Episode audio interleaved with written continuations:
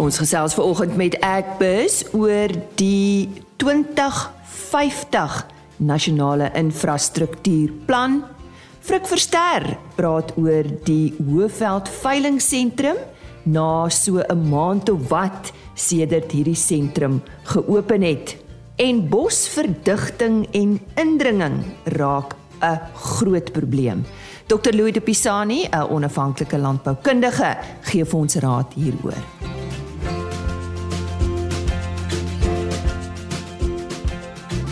Dis Lise Roberts aan die stuur vanoggend vir RSG Landbou. Baie dankie dat jy vandag by ons aangesluit het.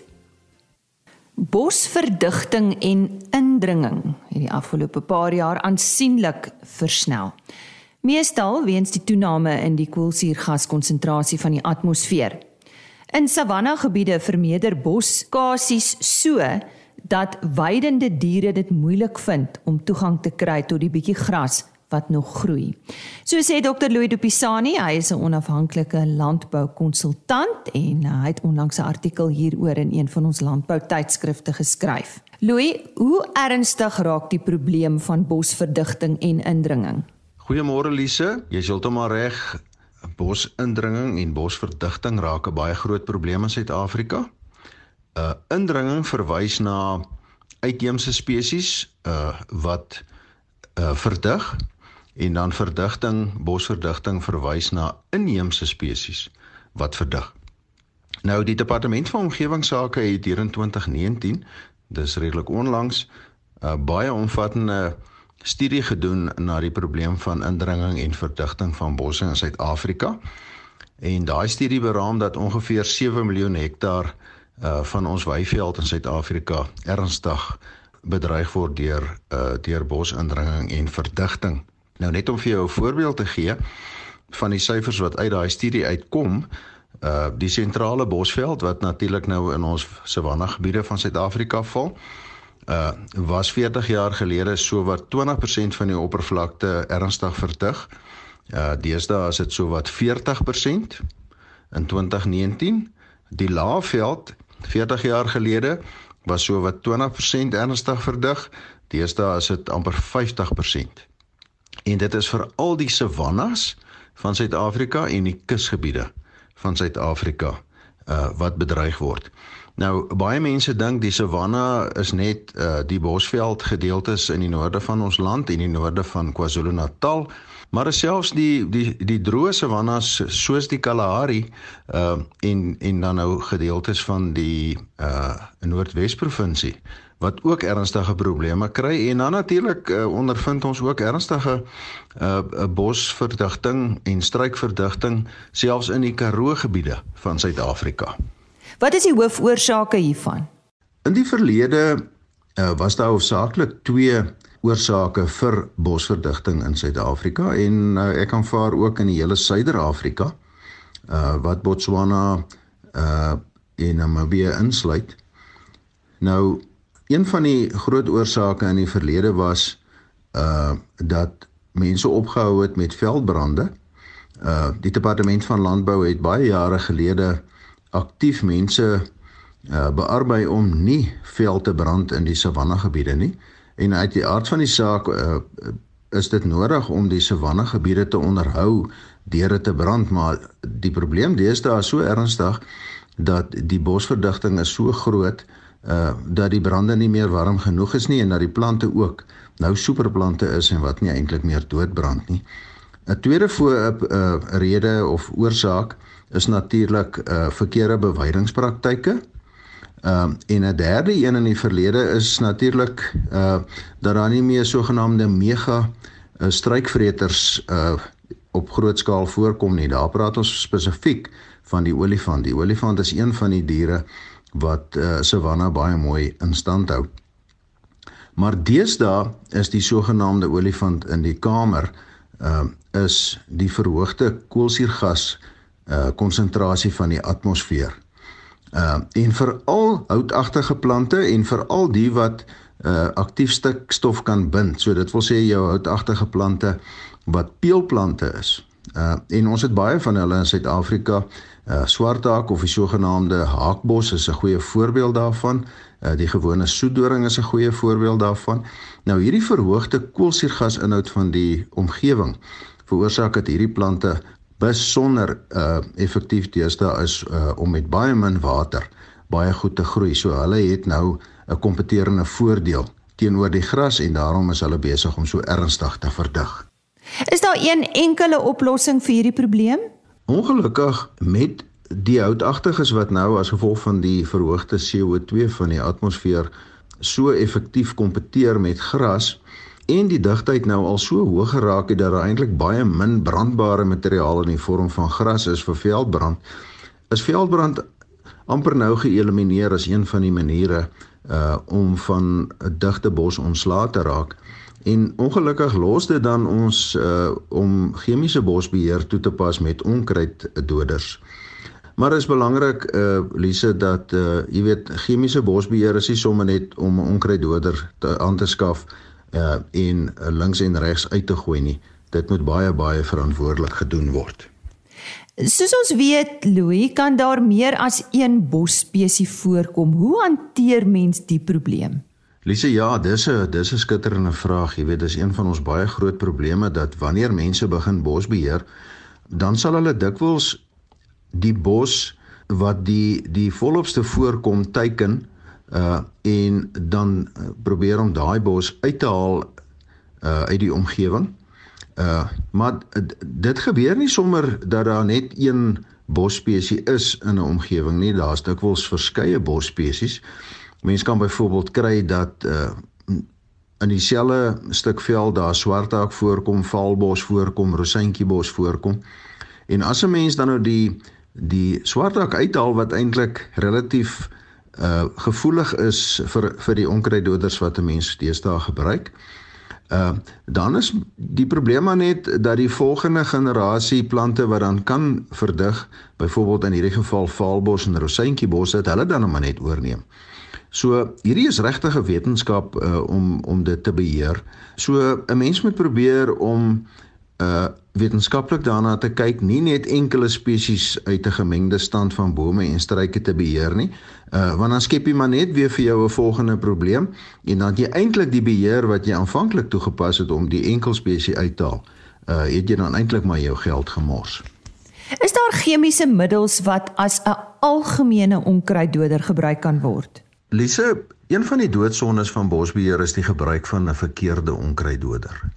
Uh nou ons het 'n wet in Suid-Afrika, dis uh, wet 36 van 1947 wat die registrasie en aanwending van onkruiddoders in Suid-Afrika beheer. Uh so 'n mens moenie 'n ongeregistreerde onkruiddoder gebruik uh vir 'n spesifieke plantspesies nie. Gebruik die onkruiddoders wat geregistreer is onder Wet 36 van 1947 om 'n spesifieke bosspesies uh te bestry. Uh en dis belangrik om te hou by die by dit wat op die etiket aangebring is. Uh die veiligheids uh voorskrifte, die regte dosisse te gebruik, die regte manier van toediening, al hierdie goed is verskriklik belangrik om uh sukses te hê sonder om die omgewing skade aan te doen. Want uh onthou nou mense werk met chemiese middels uh en 'n mens moet hou by die voorwaardes soos dit verskyn op die etiket van die produk uh en dan op die manier seker te maak dat 'n mens die minste moontlike sekondêre skade kry deur onkruiddoders te gebruik. En hoe belangrik is die regte dosis? Die verkeerde dosis van die korrekte onkruiddoder is amper net so sleg soos die regte dosis van die verkeerde uh, onkruiddoder. Uh so dis beide oor en onderdosering is ewe ongewens. Die gevolg is dat of die teikenspesies gaan nie dood nie of 'n waardevolle nie teikenspesies word gedood of nog erger en die ergste die omgewing kan besmet word. So weer eens vra ek die boere dat elke produk het spesifieke voorskrifte oor faktore wat die dosis bepaal en hou daarby uh moenie oordoseer nie, maar moet ook nie onderdoseer nie. Uh dis baie belangrik. Wat is belangrik is dit by toediening kom. Ek dink maar aan hoe, wanneer en deur wie die middels gebruik word. Nou as mens 'n onkruiddoder gebruik, dan kan jy dit of selektief of nie selektief gebruik. Byvoorbeeld, uh as 'n mens 'n uh, uh, 'n stand het van swartak wat jy wil beheer en daar's geen ander bosspesies uh, wat saam met die swartak groei nie, dan kan 'n mens van 'n nie selektiewe uh metode gebruik maak. 'n uh, Nie selektiewe metode is byvoorbeeld 'n vaste vlerkvliegtuig of 'n helikopter uh wat dan jou onkruiddoder uh oor die hele area sal uitstrooi en omdat daar nie ander uh bosspesies is wat uh geraak sal word nie, uh is dit dan aanvaarbaar om dit so te doen. Maar nou kry mense dikwels dat swartak byvoorbeeld uh saam met kameeldoringbome voorkom en 'n mens wil nie die kameeldoringbome doodmaak nie, dan kan jy nie van hierdie nie selektiewe manier van uitstrooi gebruik maak nie want dan gaan jy beslis uh daai waardevolle bome wat jy nie wil beheer nie ook doodmaak en dan moet 'n mens kyk na selektiewe metodes. En die enigste regte selektiewe metode uh wat beskikbaar is is om handspanne te gebruik waar mense die die onkruiddoder met die hand toedien.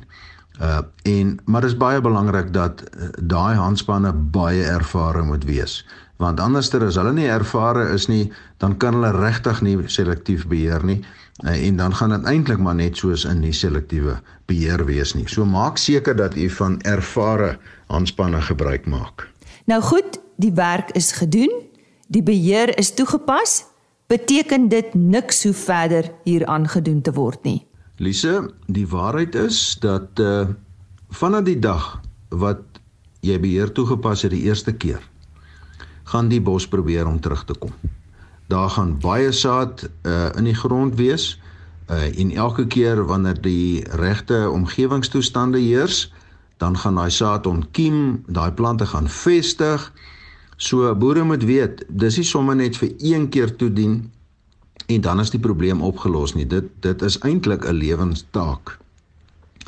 En hoe gouer boere kan bewus word daarvan eh, dat is 'n bosspesie wat hulle beheer het is besig om terug te kom, hoe beter. Want hoe jonger die plante is wanneer jy hulle beheer, hoe minder onkruiddoder het hulle nodig. Uh hoe hoe en hoe goedkoper is dit om hulle te beheer. Uh maar uh gewoonlik neem dit so 15 tot 25 jaar as 'n mens nie nasorg doen nie. Uh en dan is die bos weer net so dig soos wat hy was aanvanklik toe jy dit beheer het. So nasorg is uiters belangrik. Uh en uh 'n boere moet dit so gou as moontlik uh uh oplet en so gou as moontlik beheer. Lise, dan wil ek net afsluit deur te sê ek het uh, onlangs 'n artikel hieroor gepubliseer oor die sewe doodsondes uh van bosbeheer En as daar boere is wat belangstel om die artikel by my te kry, uh, kan hulle my kontak. Hulle kan vir my e-pos stuur na ldupisani@gmail.com. Nou daai dupisani is D U P I S A N I. ldupisani@gmail.com. Dit was dan Dr. Louis de Pisani, hy is 'n onafhanklike landboukonsultant wat vandag met ons gesels het oor bosverdigting en indringing. Die Hoëveld veilingskrale net buite Standerton is amptelik op 3 September geopen en vir ons gereelde luisteraars sal dalk onthou dat ons daaroor berig het want ons was daar en wat 'n voorreg gewees en wat 'n pragtige sentrum soveel te bied. Nou ek gesels vandag met uh Frik Verster, 'n bekende in die veilingsbedryf en uh, ja, hy is natuurlik ook die persoon agter hierdie veilingsentrum. Dis daar uh, in sy area geleë en uh, Frik sedert uh, 3 September, hoe gaan dit daar by julle? Goeiemôre.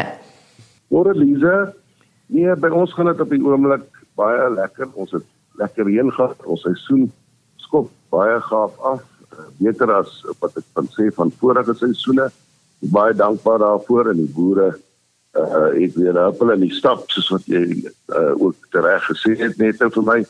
Maar ehm um, met die veilingsentrum, die Hoëveld veilingsentrum uh gaan dit baie goed op die oomblik. Ons het uh, al die hakplekke nou feitelik uit en uh, ons is nou besig om uh so die laaste myl kan ek die laaste eentjie na die lensfeit te gaan om alles in plek te hê.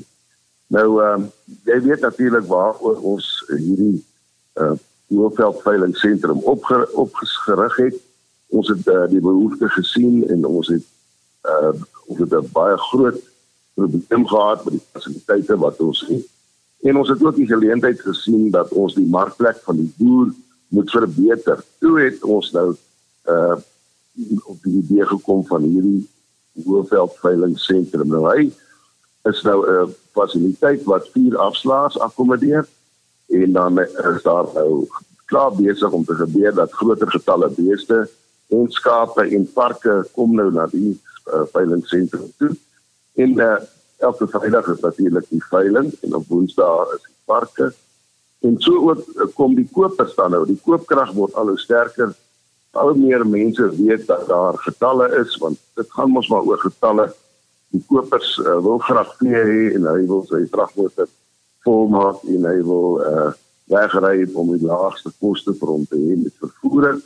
So alles is besig om na 'n punt toe te groei en 'n baie groot voordeel vir die uh boere en dan vir almal dan in te hou. Nou as jy as jy kyk na die na die fasiliteit dan uh, wil ek gou weer vir jou sê Lisa van dat jy hier was het daar 'n paar goed bygekom. Die die skaapkraal is absoluut 'n moderne kraal met 'n pragtige vloer en met 'n baie goeie dak oor en uh, so ook die die, die beeskrale het nou nie dakke nie maar alles is baie goed beplan baie goeie aflaaibanke die minimum beserings kan aan die diere gedoen word en ons voldoen aan aan al die vereistes van die uh, dierebeskermingsvereniging en, da, en dit sê baie want hulle wil graag hê dat die diere goed hanteer moet word en so ook ons want ons uh, mag ons lewe uit diere uit die boere boer met diere en ons verhandel diere so ons wil die fasiliteit baie baie goed hê. Ehm um, verder kan ek gou vir jou net sê vir interessantheid en eintlik ook baie uh belangrik is dat hierdie is 'n biosekuriteitskompleks. Nou ja goed, uh die meeste mense weet wat dit is, maar vir die wat nie weet nie, dit is 'n kompleks wat uh absoluut met groot protokol hanteer word. Daar is uh biosekuriteitsheininge binne in die kompleks om vuil en skoon areas van mekaar te skei. Die fasiliteit word na elke veiling ontsmet. Uh 'n mens moet gaan deur 'n wielsprei ontsmettingsmiddels op die wiele van die voertuie, elke voertuig wat ingaan en elke voertuig wat uitgaan word dit gedoen om allerlei siektes te uh voorkom en dat daar nie allerlei peste en pla inkom nie en dan is hierdie eintlik dan nou baie baie effektief vir back and close verspreiding. Ons het 'n klomp kopers wat graag so iets wil hê want hy is bekommerd jy weet 'n voerkraal kan nie enige plek sy vee koop en as hy hy moet seker wees van waar die vee vandaan kom en is die protokol gevolg en is hulle skoon van back back and flow want jy kan tog weet wat se ramp is dit as daar 'n flow in 'n voedkraal uitbreek vir, vir daardie eienaars. So ons het dit baie deeglik beplan sodat ons daar uh vir hulle akkommodeer en met die regte dokumente en ondersoeke en veeartsverslae en dan soos ek gesê het, die areas is 'n skoon en 'n vuil area. Daar's loopvlakke oor die krale gebou uh, sodat uh, die die koopkrag kan daar ingaan, maar dit gaan nie net of daar op gaan kyk, maar die publiek kan nie eintlik daar ingaan nie want dit is nou deel van die biosekuriteit uh, om al hierdie goed te gehoor kostes maar ons het niks ontsien om die markplek van die boere te verseker nie. Uh as jy wil kan ek vir jou nog 'n paar punte noem Lize. Noem gerus. Kom ons uh kom ons kyk net gou-gou vinnig. Die fasiliteit, eintlik wil ek so sê, ons nooi alle rasgenootskappe en uh produsente wat produksieveilings hou om van hierdie fasiliteit gebruik te maak. Jy weet die kalender is nou uh, volgende jaar besig om opgestel te word van almal wat in die lewende hawe bedryf is. En as jy kyk na hierdie fasiliteit, dan kan ek vir jou sê daar is net daar is net alles. Daar is absoluut daar absoluut uh, uh, uh, ablisieblokke, daar is baie goeie onthaalfasiliteite, kafeteria, daar's baie goeie sekuriteit. Die boer trek altyd met sy vee na 'n veilige plek toe en hierso kan hy uh met hy bakke en kos en allerlei goed in water self wat hier bly hy bees af en hy staan daar as pragtige areas waar hulle die voorbereiding kan doen en die inspeksies op die diere. Daar's in die dorp baie lekker uh, slaapplek vir die vir die betrokke mense en die jaarvergaderings van die nasionale uh die, die uh, genootskappe se nasionale veiling en hulle jaarvergaderings kan gehou word en ons nooi almal uit om dit te gebruik. Groot voordeel is dat elke boer, elke produsent, elke rasgenootskap kan die keuse van sy eie afslaerhuis kan hy maak. Hy hoef nie gekoppel te wees aan 'n eienaar van die kraal nie. Dit maak dit baie regverdig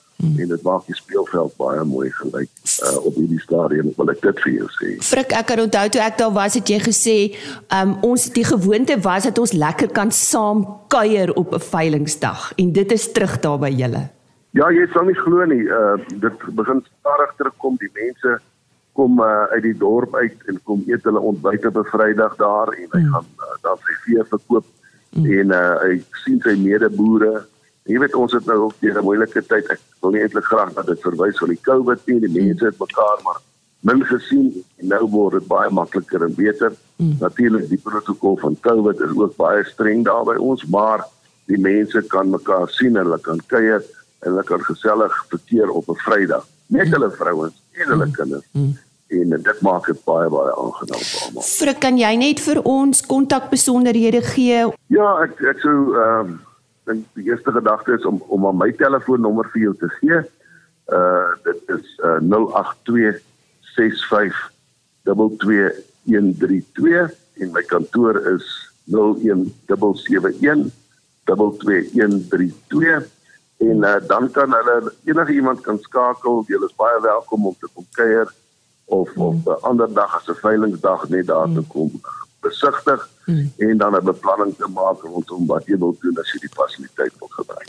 So sê Frik Verster en hy het gesels oor die Hoëveld veilingsentrum. Dis daar net buite Standerton in Mpumalanga geleë. Ek gee net weer sy selfoonnommer is 082 6522 132.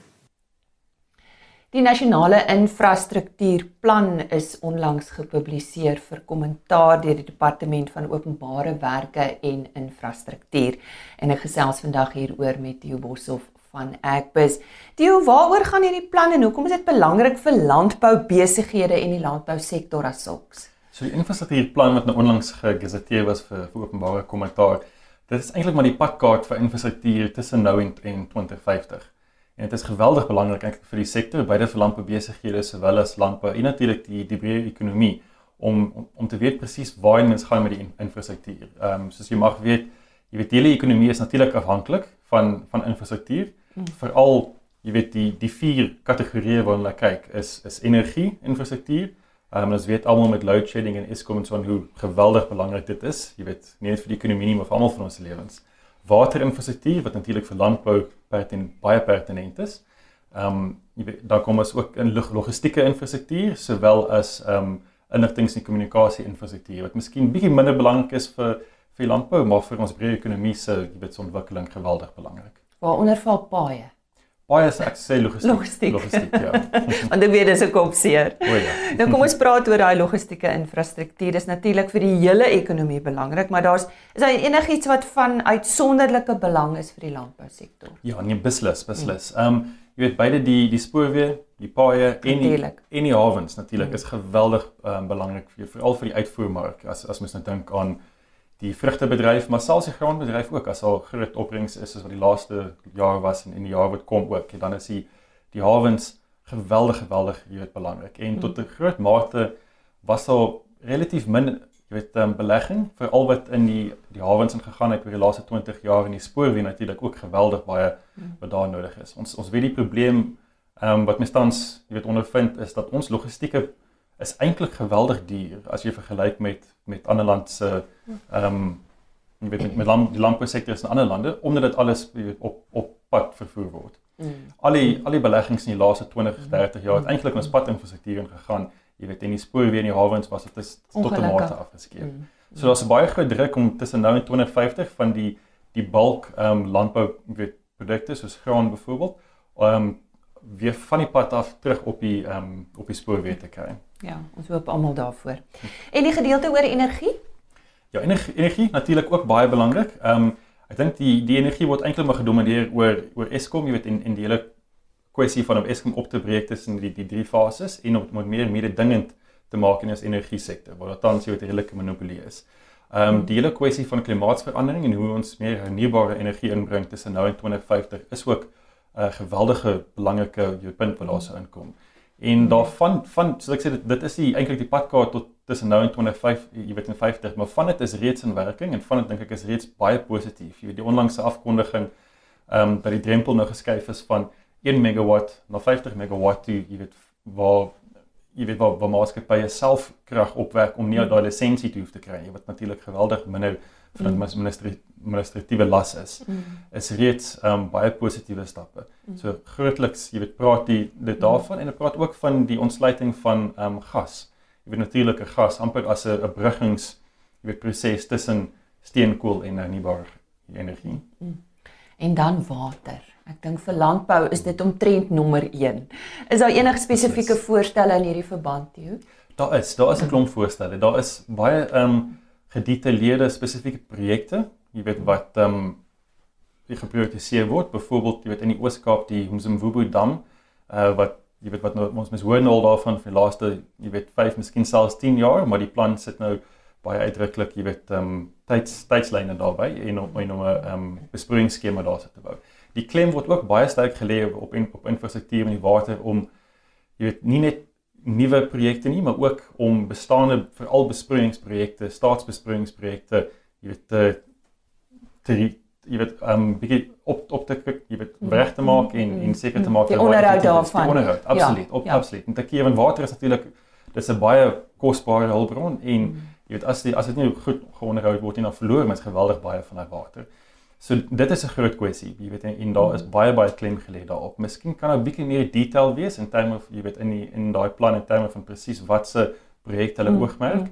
Maar oor hoofs is dit is dit redelik positief. Mm. Die voorstelle klink nou baie positief, maar is daar geld hiervoor want ons is maar 'n arm land. Ja nee, dit dit dit is natuurlik altyd jy weet die groot vraag en dit is ja. een van die groot redes hoekom die infrastruktuur tot nou in die ontwikkeling nie so vinnig gegaan het nie. Vir alles moet kyk na iets soos logistieke infrastruktuur. Jy kry paaie wat of een self spoorweë wat deur die munisipaliteit, deur die provinsie of deur nasionaal beheer hmm. word. So daar is jy hmm. weet daai kwessies en dit praat ook in die begrotings in terme van waar is die prioriteite vir jy weet vir die staat. So daar is 'n geweldige groot klem hier so gelê op um so sogenaamde hmm. public-private partnerships en ander woorde om derde partye in te kry, besighede te kry om te investeer in die ontwikkeling van logistiek. Maar die raamwerk daarvoor moet nog steeds die wetlike raamwerk moet tog baie beter ontwikkel word. Hmm. Hmm. Want as privaat maatskappye byvoorbeeld ehm um, jy weet 'n waterverbruikingsvereniging wil in jy weet investeer in die onderhoud van die van 'n waterskema, dan die vraag is natuurlik hoe jy weet kry mens daai kostes terug? Wat is jou return on investment? En al hierdie kwessies dink ek daai wetlike raamwerk moet nog mooi ehm um, geontwikkel word, die die detail daarin, maar oor hoofs die die doelwit om privaat sektor meer betrokke te kry. Hulle praat byvoorbeeld selfs van die hawens in die hawens om uh, tot 'n mate van dit te privatiseer. Ek wil daai woord is altyd 'n bietjie uh contentious ja. maar uh, maar um, ja. jy weet om privaat maatskappye in vennootskap saam met die ja. staat ja. en saam met Transnet byvoorbeeld in die hawens ja. by dit met water en selfs logistiek daai infrastruktuur te ontwikkel. So dit is eintlik maar groot ehm um, manier om van daai hulpbronne in te kry. Net om jy af te sluit, die insette van landbou se kant af, ons gaan genoeg geleentheid kry om ons punt te stel en ons gewig daarin te gooi.